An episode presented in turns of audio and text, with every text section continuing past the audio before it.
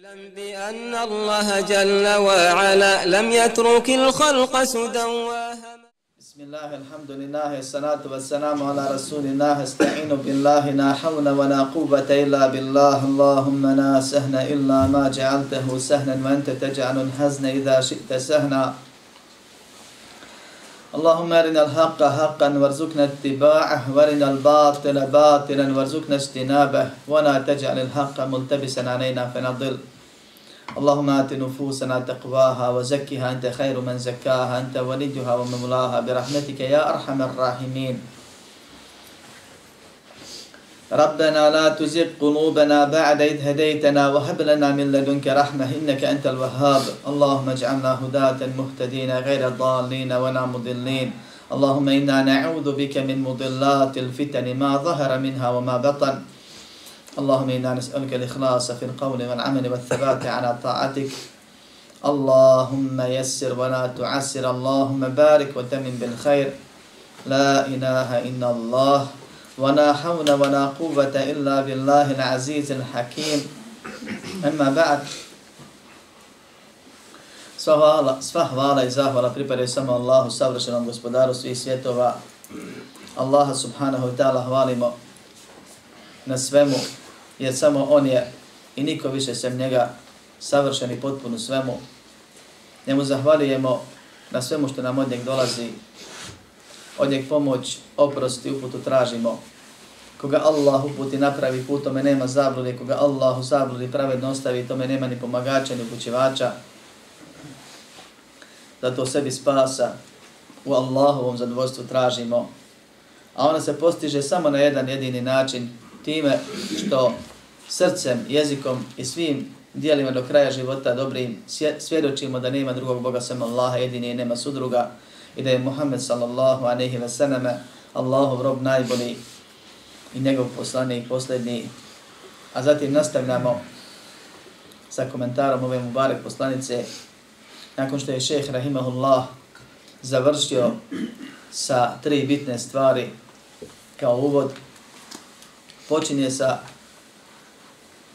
navođenim onoga što je htio i po čemu je nazvana ova poslanica sa tri temelja, pa večera ćemo ako Bog da početi govor o prvom temelju. Kaže šehr Rahimahullah, فإذا قيل لك ما الأصول الثلاثة التي يجب على الإنسان معرفتها فقل معرفة العبد ربه ودينه ونبيه محمد صلى الله عليه وسلم. Kaže, ako budeš upitan, koje su to tri stvari koja su to tri temeljima, temelja, nazvane su temeljima zvašto što su to najbitnije stvari. Kao što je temelj najbitnija stvar u svakoj građevini.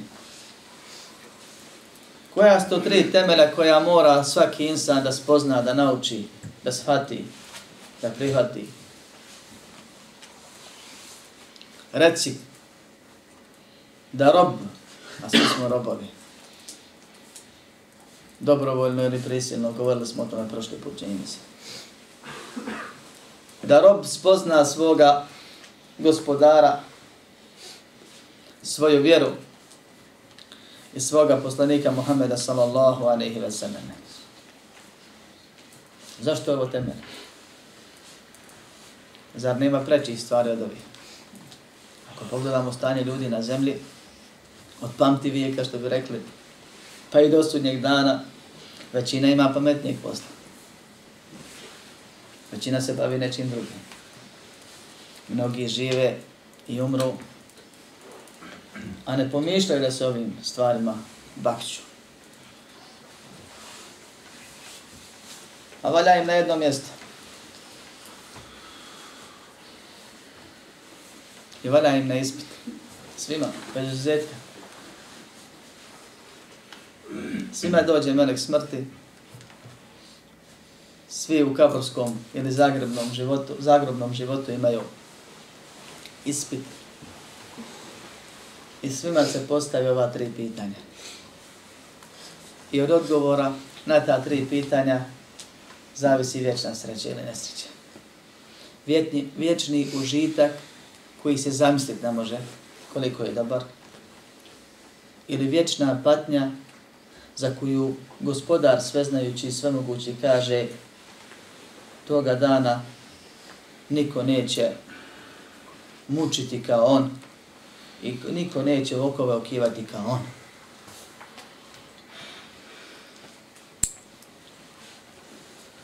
Možeš biti šta hoćeš u ovom životu. Možeš postići ostvar sve životne želje ili većinu njih. Možeš pokušat vladat svijetom. Možeš pokušat kako hoćeš. Ali nećeš nikoliko hoćeš ni dok to hoćeš. Nikome se sve želje, pogotovo ovim pohlepnim, ne ispuni. I nikome ne treje vječno. Na dunjalku. A svi smo stvoreni za vječnost. Od vječnosti pobjeći ne možemo. Pa čovjek posvijeti život nekom cilju ili nizu njih i ostvaruje i ostvari koliko mu suđeno bude, ni malo više, ni manje. Nekoliko je htio, nekoliko već Allah zapisao od ovih ovo svjetskih stvari. I pri tome uvijek pazi na svoje postupke kako ne bi uradio nešto zbog čega će upropastiti svoj cilj ili neki od koraka koji slijedi. Ili nešto što će biti suprotno onome što on želi, voli. Nešto zbog čega će fasovati. Pa vidite čovjeka, ne možemo mu i ne trebamo mu sporediti ni znanje, ni sposobnost, ni inteligenciju. Završi određene škole, spreme, zaposli se, napreduje, vremenom zauzme visoke pozicije. Što veća pozicija, više mogućnosti. Pritome sve vrijeme uzima za uzroke. Radi uzroke za ono što želi. I pazi se negativnih posljedica. Takav, kad zauzme veću poziciju, ima više mogućnosti ili prilika, kod nas u narodu ima izreka prilika čini lopova. Može da se ugradi i nešto protiv zakonito uradi i sebi naglu, brzu, veliku korist pribavi. Ali često baš zato što je inteligentan, ne uradi tu stvar zato što se boji da će ga onaj ko ne zna i ne vidi i ne čuje sve, a to je zakon ili njegovi predstavnici, uhvatit, pa kaznit, pa na određenu robiju osuditi. I poziciju će time izgubiti. I zato što je pragmatičan, a to nam je u prirodi, to je dobra stvar. Izračuna da mu se ne isplati, pa čuva posao i čuva ono što ima i ne zalijeće se tamo gdje ne treba, pa izbjegne. A mogao bi i volio bi. I imao je priliku. Šta taj čovjek radi? Čuva svoj dunjaluk za kojeg živi. A s obzirom da živi, za njeg pohlepe ima. I to je normalno. Svako voli da ima više nego manje i ne uzima više iz straha da će izgubiti ono što ima s jedne strane i da će dobiti nekakvu kaznu s druge strane. Kakve su dunjaluške kazne? Teške, ružne, loše za nas ljude, nikakve. U poređenju na ono što čima Allah uzvišeni prijeti od momenta čupanja duše, pa vječno. Sve gore i gore. Samo čupanje duše nezamislivo, neizdrživo bolno onome ko nije na pravom putu bio. Pa u kabur ono što čeka, pa stisak kad te zemlja stisne da kost kroz kost uđe i prođe. Da Allah sačuva. Pa onda ono što slijedi nakon što promaši odgovor. Ljudi se boje da izgube nešto od dunjaluka što se ne može porediti ni sa čim od ženeta. i boje se da dobiju nešto od dunjaličkih kazni što se ne može porediti sa samim umiranjem nevjernika. A kamoli s onim što slijedi poslije toga. I takav bude sposoban i uspješan na ovom svijetu, jer neuspješan je onaj ko napredi, napredi, napredi, pa izgubi sve to i propadne. Nek su uspješni oni koji ustanu i ustraju i ostvare svoje nekakve cilje. Niti napredovati koliko bi volio, jer ne može se više od suđenog, a želio bi više. A kad mu život prođe, slijedi kapulsko ispitivanje. Koliko god da živi, brzo mu prođe. Koliko god da živi, živi koji svi ostali, bez obzira koliko je uspješan na ovom svijetu. Govorimo o uspješnim ljudima, ljudima koji su poznati svjetski, planetarno, ljudima sa kojima bi se 90 i više posto dunjaloka, uključujući dio muslimana, mijenjalo sad, nažalost. Da budu oni na njihovom mjestu. Takvi ljudi, bilo koji. Žive koji ostali. Ogladni, požedni, umori se, ne ide mu sve po planu, razboli se, nezaustavljivo stari, snagu gubi, ima štete, gdje je malo, tu je i šteta, poznata izreka, do, dokazana, poznata. Imaš i mjetka, imat ćeš i neuspjeha, i štete. Do podne radostan od podne tuža, nešto se nije desilo, tako svaki dan ne. tome. Koji svi drugi u svom životu. Kad prođe 90 godina ako toliko ko poživi, pitaš ga koliko, kako ti je prošao život, kaže kao da sam na jedna vrata ušao na druga izašao. Ovako. Isto onako kako je tebi prošao dosadišnji život, ovo ti koji imaš 20 i 30 i 40, isto brzo prođe i ostatak. Koliko god da traje. Allah nas stvorio da ispunimo funkciju svog stvaranja, svrhu, da njega obožavamo, da njega zadovoljimo i obećava nam nagrade vječne koje se ne mogu životom kupiti.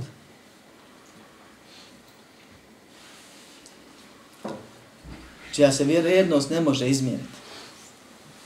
I prijeti, nemaš između. Kaznama koje on sveznajući i sve mogući samo može da se tako izrazim smisliti, odnosno odrediti stvoriti. I provesti u djelu. Nekad ljudi imaju ideje, ali nemaju mogućnosti da provedu. Nekad ljudi imaju mogućnosti, ali nemaju ideja. A sve je to u granicama njihovi, manjkavih stvorenja koji se zovu insani. U njihovom dometu. Savršeni, sve znajući, sve mogući. Može da muči čovjeka smrtonosnim mukama vječno i kaže smrt će mu sa svih strana dolaziti, ali on ne može umrijeti. Završena smrt. Nema je više. Da umire vječno.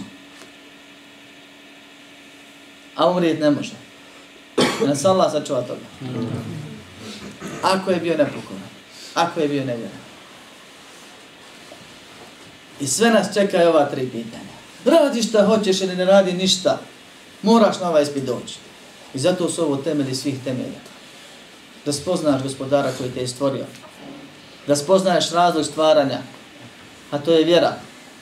I način vjerovanja koji se ne, ne može saznati, shvatiti osim preko poslanika sallallahu alejhi ve koji je veza između stvorenja i stvoritelja. Stvoritelja i stvorenja. I to su ta tri pitanja, svako će ih dobiti. Nakon što ga zagrnu ili što prođe određeni rok, ako je umro na neki drugi način i nije ukopan, doći će mu dva meleka, kao što je došlo u vjerodostojnim hadisima, i postavi tri pitanja svima, a četvrto onim uspješnima. I ovi će dobiti četvrto, ne pitanje, nego početak vječnih, vječnih muka. Ko ti je gospodar? Pa će odgovoriti samo onaj koga Allah učvrsti. Allah kada će oni koji vjeruju učvrstiti. S postajanom riječu na ovom i na onom svijetu. A nikog više se nije reće moj gospodare Allah, što? Zato što je cijeli, cijeli, cijelog života, ili do kraja života, onda kad ga je Allah uputio pa se pokajao, obožavao Allah i nikog se nije. priznao ga kao gospodara i prihvatio time da Allah gospodari što podrazumijeva između da naređuje zabranije, pa se trudi da izvršava naredbe, a ostavlja zabrane. Ko ti je poslanik? Pa će spomenuti poslanika Muhameda sallallahu alaihi wa sallam, ako je bio sledbenik nekih šarijata koji su važili prije islama, pa je Allah islamom derogirao sve prethodnije vjere, reći će svog poslanika. A ako je slije poslijedio, je se za nekim drugim povodio? Nije istučeno da kaže, moj idol je bio taj i taj. Ja sam njegovu ideologiju slijedio. Ili će reći, ne znam. Ljudi nešto pričali pa sam ja govorio. Zvali me da slijedi neko pa ja priču treba tako. Kleo se od drugog. Koja ti je vjera? Znači svako spomenuti ono što je vjerovao, mora reći automatski. Nema tu da ti kontaš. Ili ne do Allah, pokušaš prepisivati, negdje saznati. Nego će čovjek automatski govoriti ono što je živio, na čemu je umro. Od objeđenja, od riječi, od djela. To će da izađe iz njega. Pa ako je onako radio, kod svi tu imali moja, makar na istini bio, u ispravnoj grupi bio, reći će, ah, ah, ne znam. Čuo sam ljude nešto govori, pa sam ja govorio. Makar u ispravnoj vjeri se rodio. Jer ta ista da je rodio se u nekoj drugoj ne bi mijenio. To njega ne zanima. On je onako kako narod. To je naše. Zato što sam ja tu, da sam tamo negdje bio, drugo, to je bilo drugo naše. Samo onaj koji je ubijeđen bio i tu to sumnjao nije i potom je živio koliko je mogao. Odgovorit će ono na čemu je preselio. Bilo se radi o ispravnom ili neispravnom objeđenju, vjerovanju, djelovanju. Svako će svoje da kaže.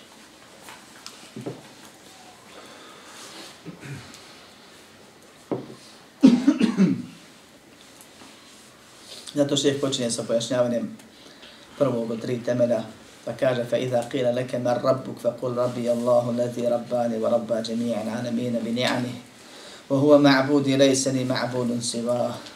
والدليل قوله تعالى الحمد لله رب العالمين kad te budu pitali, ako te upitaju, ko je tvoj gospodar? Svi ne u nešto vjeruju. Svi nekome robuju. Obožavaju. Pokoravaju mu se. Ko je pravi? Kaže ti reci, I samo onaj ko ovo vjeruje može ponosno da kaže s ubeđenjem. Spravo. Da se ponosi kad to prvi put izgovori i da vječno bude ponosan kad se sve završi i svakom njegovo pravo dodijeli da i tak bude ponosan i da ponosno sa zadovoljstvom gleda u lice svog gospodara. Reci Rabbi Allah, alladhi rabbani, wa rabba jami'an anamin, bi ni'ami. Reci moj gospodar je Allah koji sa mnom gospodari i gospodari svim svjetovima preko svojih blagodati. Jedna zanimljiva definicija. Vidjet ćete da pet prevodilaca prevede ovu rečenicu na pet različitih načina. Upravo zato što je šeh došao sa terminima koji su univerzalni, ali sve obuhvatni. Pa neko uzme dio značenja neko drugi dio, neko treći dio. Jer ova rečenica je jako, jako, jako sadržajna s aspekta značenja i nadahnuta. Reci, moj gospodar je Allah koji sa mnom gospodari. Koji mnom gospodari. Rab, ili gospodar. Je jedna od dvije vrste postojanja u postojanju, u kosmosu, van kosmosu, u postojanju općenito. Postoji samo stvoritelj stvorenja, nema treće. ili si stvorio, ili si stvorio. Allah subhanahu wa ta'ala je jedini stvoritelj. I sve ostalo su stvorenja. I Allah subhanahu wa ta'ala ustane da stvori sve ovo ovako kako je stvorio, A to što je jedini savršen. A savršeni kad stvori, on to stvori sa razlozima i on to održava, posjeduje, upravlja, nadzire. Gospodari, jednom riječi, odgaja, izdržava, motri, popravlja, ka cilju, ka razlogu usmjerava. Kaže, moj gospodar je Allah. Allah, ime Allaha subhanahu wa ta'ala, najuzvišenije Allahovo ime u prevodu znači istinski Bog, pravi Bog, onaj koji se s pravom obožava, koji jedini obožavanje, odnosno i baga zaslužuje. Jedini zaslužuje da mu se pokorava iz ljubavi, straha i nadi, da mu se tom pokornošću ponizi i da ga se time veliča. To samo Allah. Sama riječ Allah na ovo sve ukazuje. Allah jedini zaslužuje to ime. I kaže, hel ta'nemu lehu samija, ima liko, znaš da iko ima ime ko on, ili znaš da iko zaslužuje njegovo ime. Volem jekun lehu kufovan ahad, nema niko njemu ravan, sličan. Zato što je on gospodar. Zato što on posjeduje sve. Samo ti on može odrediti dobro ili zlo. Pa se samo njeg, kod njega i od njeg moraš nadat i strahovati. I tražiti, moliti. I njemu se pokoriti. Da bi postigao dobro, izbjegao zlo, loše. Pa kad kaže moj gospodar je Allah. Allah je kruna. Gospodarstvo je razlog. Čim skontar si stvoren, pitaš ko te je stvorio, što te je stvorio. I naučuješ i ostane do kraja života da se potom ne vladaš. A taj stvoritelj najbitnije, najuzvišenije, najveličanstvenije, najsadržajnije, njegovo ime je Allah, istinski Bog. Je nas je stvorio da ga obožavamo, da mu ibadet čini. I samo on to zasluži. Ne bi bio gospodar da nije savršen. Pa samo u riječima moj gospodar je Allah. Cijela vjera je sadržana. Jer gospodar nije gospodar pravi. Ako nema plan, zatim sposobnosti, sve ostalo, to je već savršenstvo. Plan detaljan, razrađen. Zatim je u stanju da stvori. Jer imaš ljudi, imaju ideje, ali nemaju mogućnosti. Zatim mu to što stvori mora da funkcioniše po planu. Ne izmiče kontroli. To je posjeduje. Zatim tim upravlja. I onda to sve treba da, svrši, da služi svrci, da završi onako kako je on planirao. Bilo koliko nešto pravi i proizvodi, ima ove, dio ovih osobina, ili pokušava ovo. Ne radi niko onako bez veze. Imaš neki plan, pa nešto praviš, pa očekuješ da će to ići po tom nekom planu i popravlja, sređuješ, uređuješ da bi uspio da ga prodaš, plasiraš ili koristiš u nekoj svrsi. Allah subhanahu wa ta'ala je pravi, pravzeti gospodar. Zato što je samo on svima unaprijed, prije nego je išta stvorio od ostalih stvorenja, nakon što je stvorio Arš i stvorio je Levehne Mahfud knjigu i stvorio je pero i rekao je peru piši. Kaže šta da pišem? Kaže piši sve što će se desiti do sudnjeg dana. Detaljan plan svaki pa i ove moje riječi koje izlaze i ono što ću reći, a nemam pojma šta će biti za 10-15 minuta i to je već zapisano ako Allah da da kažem. I ono što sam mogao reći, a nisam mogao reći, Allah zna. Ali to nije zapisao, se neće desiti. Što sam mogao reći, a neću reći. Sve što je bilo, što sad trenutno se dešava, što će biti vječno. Zapisano. I sve ide po Božijem planu. Dio toga je ona šarijatska naša obaveza, gdje je Allah pustio nas da biramo, hoćemo haram pa džennet ili će, halal pa džennet ili ćemo haram pa džehennem. Hoćemo vjerovanje ili ćemo nevjerovanje. Allah je znao šta ćemo raditi pa nam je to zapisao naprijed. A nije nas na to natjerao. A sve druge stvari što se tiču naše sudbine života, to nam je Allah zapisao i propisao, to jest tako mora biti, ne može drugačije. I sve uzroge koje ćemo mi uraditi za nešto, poput dove, poput sadake, poput nečega što, što povećava, produžuje i tako dalje. Allah je to znao šta će ko raditi pa mu je zapisao naprijed. Neće Allah niko iznenaditi. Kad se kaže da dova produžava život, održavanje rodinskih veza, da na fa, sadaka povećava na faku i tako dalje, to je istina. Ali mi svi, svi čujemo to. Pa neko primjenjuje, neko ne. Onaj ko primjeni, njemu je život duži. Ali Allah već onu dužinu zapisao unaprijed, jer je Allah znao što ćemo mi uraditi. Sve biva po Božijem planu. I sve Allah stvorio, nema ništa da se, da se dešava da Allah nije stvorio. Mi radimo, mi biramo, Allah stvara. I sve stvoreno Allah posjeduje, ništa mu ne izmiče kontroli, ne bježi. Nema neko da kaže, to je moje, ja vam mogu dati. Nemojte Boga pitati, pitajte mene. To je nemoguće. I sve što Allah stvorio i prije toga isplanirao, odredio i posjeduje, on to kontroliši. On to održava, on to obskrbljuje, on to čuva, on to gleda. On to usmrćuje kad mu stekne rok određeni. I sve će Allah subhanahu wa ta'ala posle ljude i džine posebne zato što ih stvorio zbog toga, a ostalo je stvorio da je tome tvoje se služi, proživjeti i račun će polagati i pravedno će kazni svakoga koga kazni, da nas Allah sačuva kazne i onoga što ne vodi, a i svoje milosti će nagraditi, a ne po zasluzi onoga koga nagradi, za bilo što od onoga što radimo. Jer mi ne možemo, kad bi cijeli život na seždi bili, ne možemo zaraditi nijednu dženecku blagodat. Ne možemo je odkupiti. Ne možemo dunjaluške blagodati odkupiti. Se zahvalimo Allahu za blagodat fida, sluha, razum, života. A kamo li nešto tamo što, što je Allah pripremio dženetu od onoga što je potpuno. I zato je Allah gospodar i zato je gospodar Allah, istinski Bog. Treba ti nešto, tražiš od njega, strahuješ od njega, moliš se ili tražiš zaštitu kod njega, u svemu drugog se oslanjaš na njega i kaže šeheh nakon toga, moj gospodar je Allah, alladhi rabbani, koji je sa mnom gospodari.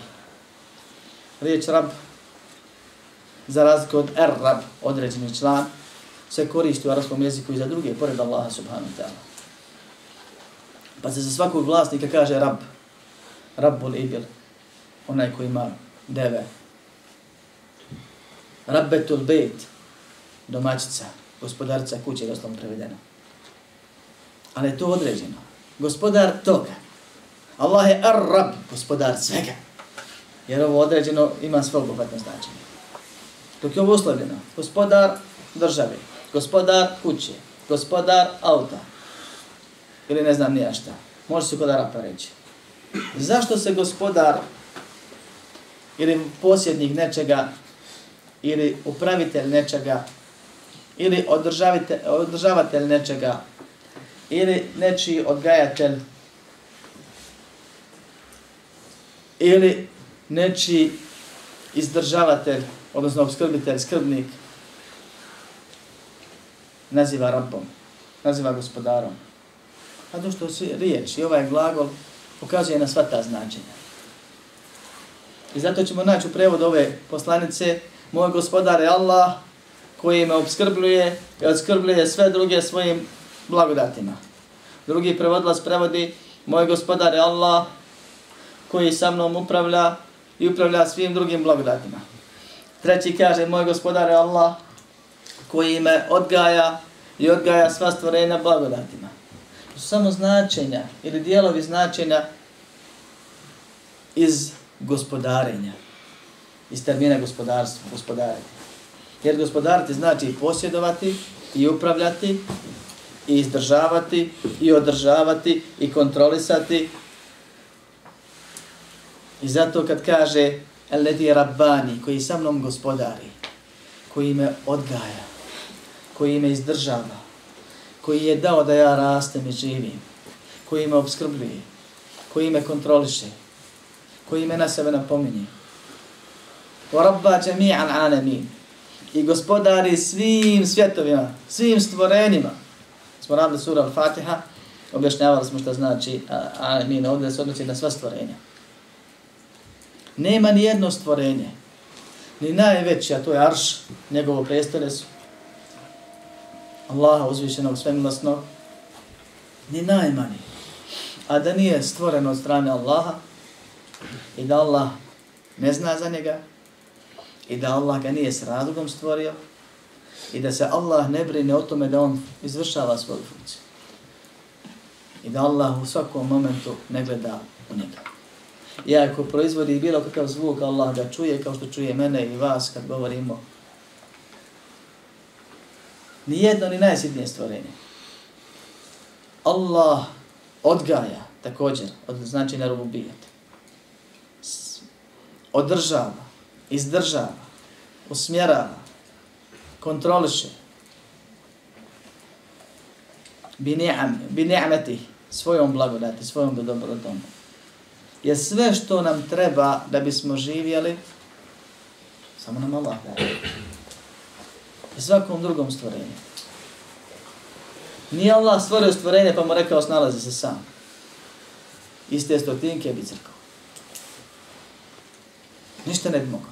Bez Allahu i blagodati. Sve što koristimo je Allahom. Da bismo živjeli. Zrak, voda, hrana, sve drugo. Ono čega smo sastavljeni. Allah nam daje.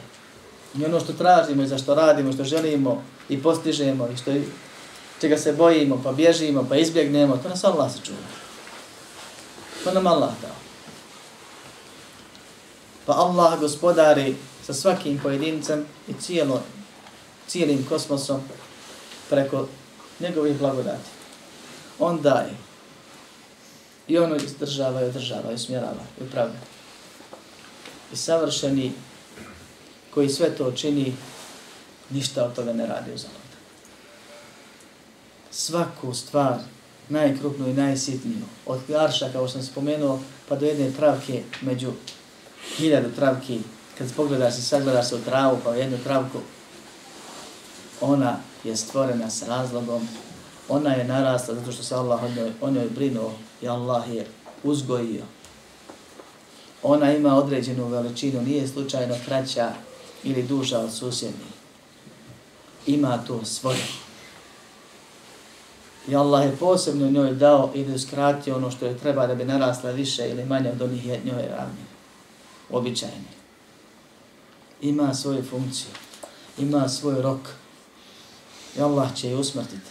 I ono što se pretvori kasnije, Allah će to dat da i dalje ima svoju svrhu. Kad istohne. Kad pojedena bude. Ili šta već. I nije ništa slučajno. Ne samo da Allah za nju zna. Mi, se zak, mi zakujemo u razmišljanju, kad pomislimo i čitamo i razmišljamo o Allahovim riječima, vama teskutu min varakatin illa i alemuha. Ne kaže, ne padne list u gori, a da Allah za nek ne zna. Koliko lišća na jesen opadne? Svaki na list kad padne, pao je u, mom, u sekundi kad mu je suđeno i leti tamo gdje mu je Allah odredio i završi onako kako mu je Allah odredio i sve je to s razlogom, nije slučajno. I Allah za to zna. A kamo li da misliš o nekim sitnim detaljima, a ništa nije slučajno. Sve je određeno. Allah sve, svim, sve, sve, svim tim gospodari s razlozima. Ono što se tiče mene i tebe je da smo stvoreni da ga zadovoljimo, da u njega ispravno vjerujemo, da izvršavamo naređeno, klonimo se zabranjenog, da ga spoznamo što bolje kako bismo bolje izvršili ovu svrhu, ovu ulogu I Allah nam za uzvrat obećao sreću, zadovoljstvo na ovom svijetu koje znaju vjernici i osjećaju i vječni užitak i vječni rahatluk i vječnu sreću i vječni spas od svega negativnog na onom svijetu. A to nije teško. I ko krene, Allah ga uputi pomoći. Ako neće, Allah ga neće natjerati da bude sretan. Zato šeh kaže nakon ovoga وَهُوَ مَعْبُودِ لَيْسَ نِي مَعْبُودٌ سِوَا On je onaj kojeg obožavam. Ja ne obožavam nikog sem njega. Jer obožavanje je pokornost iz ljubavi, straha i nade. Da činiš pokornost, da se poniziš slušajući nekog i time nega uzdigneš, a sebe poniziš. Time nega veličaš, a sebe poniziš. Bilo kome da se pokoravaš, tako je. Inače, a pogotovo ova pokornost. I to ne samo to što ti samo nešto treba, jer što ti nešto ne treba, ili što hoćeš privremeno nešto da ga iskoristiš, nego zato što ga beskrajno voliš više nego sebe i više nego bilo koga drugoga. I zato što sve što ti treba, znaš da je kod njega on gospodar i svim. pa se samo od njeg nadaš i tražiš i moliš i znaš da ti niko ne može dati kad bi ga molio koliko hoćeš, ako on nije odredio. I znaš da sve čega se bojiš, možete zadesiti samo ako ti Allah dopusti, pa se kod njemu moliš ponovno da izbjegneš ono što ne želiš. Kaže, on je onaj koga obožava. Obožavanje je ibadet. Prevodu samo. A ibadet je sve što Allah voli i s čim je zadovoljan od riječi i dijela javnih i tajnih. To je sve ono što Allah traži od nas da činimo, samo njemu. Zašto je pripremio nagradu. Ili pohvalio njegovog činlaca. I ibadet kad se spomene, ljudima obično na, naupadne namaz po zekat, hađ. I kad kažemo da se svaki ibadet čini samo Allahu, što je suština vjere, što znači la ilaha illa Allah prije svega i bez čega nema dženeta, ljudima opet naupada samo vanjski ibadet najčešće. Kad kažeš on je onaj koga obožavam, ja ne obožavam nikog sem njega, to znači prije ovih vanjskih ibadeta, on je onaj kojeg volim više nego svakog drugog. Ili ikog drugog. Ili više nego sve druge zajedno. Volim ga posebnom ljubavlju kojom ga veličam i pred, zbog koje sam pred njim ponizan. On je onaj od koga se nadam. On je jedini od koga potpuno strahujem. Jer svako koji može navoditi može samo ako on dozvoli. On je onaj kome se prepuštam u potpunosti, ne se oslanjam i on mi je dovoljan. On je onaj kome se povratim i pokajem kad pogriješim. On je onaj kojeg uporno molim kad me iskuša pa mi pokaže da sam onim ovisan pa mu tad priznajem ovisnost više nego inače. On je onaj koji mi stalno treba, koji mi sve daje i koji mi s pravom uskraćuje. On je svemilosni koji iz svog savršenstva određuje zabranjuje i naređuje i nikad ne griješi. On je dao da sa jednom teškoćom istovremeno dolaze dvije olakšice. A ta jedna teškoća, kad bi bila propisana bez ikakvih olakšica, ako je produkt savršenog, onda je sigurno tako trebalo i moralo da bude najispravnije i najbolje. Kad ti belaj Allah da, možeš samo da kažeš Alhamdulillah, hvala ti ja Rabb, hvalen si i zahvalijem ti. Hvališ ga zato što je savršen, što je to, to potpuno tako trebalo, makar mi ne godilo, i zahvališ mu zato što Allah ne daje ništa da nije u korist nama. Zato što Allah ne spušta belaj sam. Zato što s belajem dolaze dvije olakšice. I čovjek kad mu se desi belaj trebao bi odmah da pomisli šta se od dobra krije iza ovoga pa tek onda da rješava problem koji ima. I zato šeh nije ovdje spomenuo neke od ajeta direktno gdje se govori obožavajte samo Allaha, nemojte širka činiti kao što je prošli u prošlom predavanju na kraju spomenuo isti taj ajet wa'budu Allahe wa la tushriku bihi shay'a što bi odgovaralo bolje ovoj konstrukciji koju je spomenuo prije da je Allah samo gospodar, samo Allah obožava i dokaz je ovoga direktno ne kaže dokaz za to da je Allah gospodar i da se samo Allah obožava i da on sve odgaja, održava i usmjerava. Su riječi Allaha subhanahu wa ta'ala alhamdulillahi rabbil alamin. Početak sure Fatiha. Obavezni sure bez koje nema namaza. A bez namaza nema vjere tu kaže Allahu poslanik Muhammed sallallahu alaihi wa sallam nema dženneta bez namaza, nema namaza bez fatihe, nema bez fatihe, fatihe bez sedam ajeta koji, od kojih je sadržano. Nema bez fatihe i nema namaza i nema sretnog života i nema dženneta bez alhamdulillahi rabbil alamin, prvi ajet. Zašto? Detaljnije možete pogledati komentar fatihe, a ovdje je najbitnije da spomenemo zbog riječi alhamdu lillahi rabbil alamin. Pa što ono što je sadržano, tri vrste tevhida, sve ono zbog čega živimo. Opisano Allahovo savršenstvo i Allahovo gospodarstvo i pravo na ibadet. Jer Elham znači potvrđivanje Allahu subhanahu wa ta'ala savršenstva i iskazivanje hvale i divljenja zbog njegovog savršenstva. Hvaljen. iz podrazumijeva i znači također u istoj toj riječi. Iskazivanje zahvalnosti Allahu subhanahu wa ta'ala od srca, ne na jeziku. Jer ima riječ u arapskom jeziku zahvaljenje na jeziku, koje nije iz srca. Uz divljenje i ljubav. Zato što savršen ne griješi. Kad nas dadeci belaj, i nam je propisano kažemo alhamdulillah vjeruješ da imaš savršenog gospodara, trebaš to da osjećaš svakog trena. Trebaš po tome da živiš, trebaš u tome da uživaš. Kad te belaj zadesi, a kamo li kad blagodat dobiješ? Da se rastopiš, raznježiš. Pa onda djeluješ kako je zapropisano. Da znaš da ti Allah odredio, da te nije zaboravio, da te belajom na sebe napomenuo, da ti je s tim dvije olakšice, dva je blagoda ti spustio, da hoće da mu se vratiš, da ga se sjetiš, da ti grije oprosti, da ti saborom počasti. Da mu kažeš hvale neka si, što si mi u ovom momentu dao tu stvar koja mi ne godi. Jer ti ne griješiš, mora da je to dobro za mene. I hvala ti za to, zbog toga. Jer se iza toga kriju mnoge, mnoge, mnoge koristi. Alhamdu lillah, samo Allahu, nikom drugom. Je bilo kod nas i kad koristi može da, da pogriješi, ili da prigovori, ili da razmazi. Kad koristiš nekome možeš da mu ne valjaš. A kamo li kamo štetu činiš? Allah kad daje dobro i kad daje zlo, to je dobro. To je savršeno, to je potpuno, to je bezgrešno. Nepogrešivo. Tako treba i mora da bude. I zato mu se i divimo i hvalimo ga i zahvalijemo mu. I na dobro i na zlo. I samo Allah to zasluži. Istinski Bog koji se mora da obožava. Niko drugi sem njega. La ilaha ila Allah.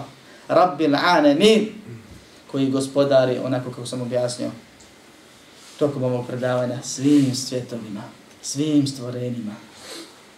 Odredio svima sudbinu, sve stvorio, sve posjeduje, sve upravlja i svima će kasnije presuditi, nagraditi ili kasniti.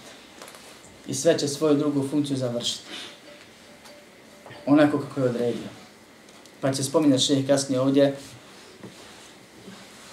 stvari koje se tiču spoznaje Allaha subhanahu wa ta'ala kroz njegova stvorenja i vidit ćemo tu tako neke stvari koje se kod nas podrazumijevaju poput sunca na nebu, mjeseca, zvijezda i neke drugih stvari imaju višestruku funkciju, a glavna svrha je da ukazuju na postojanje i podsjećaju nas na svog stvoritelja i pravitelja, to je Allah subhanahu wa ta'ala, kako bi mi bili bolji. Zato, brate moje, kad te zadesi belaj, jer mi na, trebamo poseban posticaj pri belaju. Sjeti se i pomisli, a možeš i reći, a propisano je da kažemo alhamdulillah i to je Bog. Allah zna šta radi. Jes, ti ne bi volio da ti sad pukne gume, ali ne znam ja nešto ali Allah zna šta radi. A svi mi drugi ne znamo. Mislimo, probamo, uradimo pa se ispostavi da valja, ali ne valja. Ako valja, valja ograničeno. Donekli, pa onda ne valja. Ako ne valja, jasno nam je da nije dobro. I ne radi Allah ništa džaba. Nakon toga šeh kaže وَكُلُّ مَنْ سِوَ اللَّهُ عَانَمٌ وَأَنَا وَاحِدُ مِنْ ذَلِكَ الْعَانَمُ Ova će na vrčenca trebati večeras malo i s njom ćemo završiti, a odpočet ćemo opet s njom kasnije, jer je ona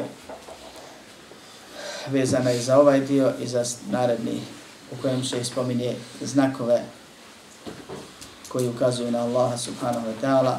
Kaže, sve sem Allaha je alem. Alem je znak ili riječ, izraz koji se koristi za kosmos ili za stvorenje ili za bilo koji znak.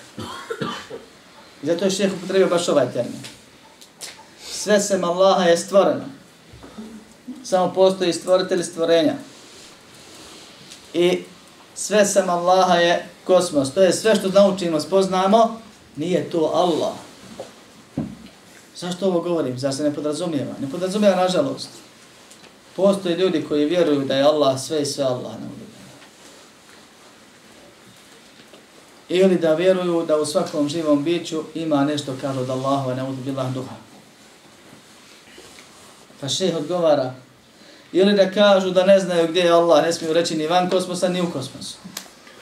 U definiciji Allaha kažu, nije ovo, nije ono, nije tamo, nije vamo, nije gore, nije dole, nije unutra, nije vani. Pa gdje je? Postoji. Pitanje je da li postoji ako ga tako definišeš. A mi znamo da Allah ima i postoji i da je Allah van stvorenja i da je to van nije ni, ni pored ni ispod ne uzbila, nego je Allah iznad stvorenja kako je sam sebe opisao i svoja stvorenja o sebi obavijestio. Pa kaže Allah subhanahu wa ta'ala sve što vidiš, sve što znaš, sve što je stvoreno, stvoritelj je stvorio. To su odvojene stvari. Wa ana wahid min zalika al-alam. I ja sam kaže samo dio tog kosmosa tih stvorenja tog tog, tog svijeta. Ali kaže sve osim Allaha je alam, a ne kaže mahluk, mogao reći drugi termin koji znači stvoreno. Ne koristi ovaj termin koji između ostalog znači znak. Jer svako stvorenje je trag koji ukazuje na stvoritelja. Svako stvorenje ukazuje na stvoritelja. Kad čovjeka vidiš i ne svidi ti se njegova faca, pomisli da je Allah subhanahu wa ta'ala taj koji ga je stvorio. I da Allah zna šta radi. Pomisli da ti nešto ružno njemu kažeš, znaj da šta god mu prigovoriš, prigovaraš Allah subhanahu wa ta'ala za njegov izgled. I sama ta stvar čovjeka može da posjeti na Allah. A da ne govorimo o drugim stvarima. Kad vidiš bogato, kad vidiš siromašno, kad vidiš zdravo, kad vidiš bolestno, kad vidiš ovu ili onu bolest. Allah je dao. S razlogom je dao. Savršen je ne griješi zato što je njemu dao u toj količini takvu bolest tad.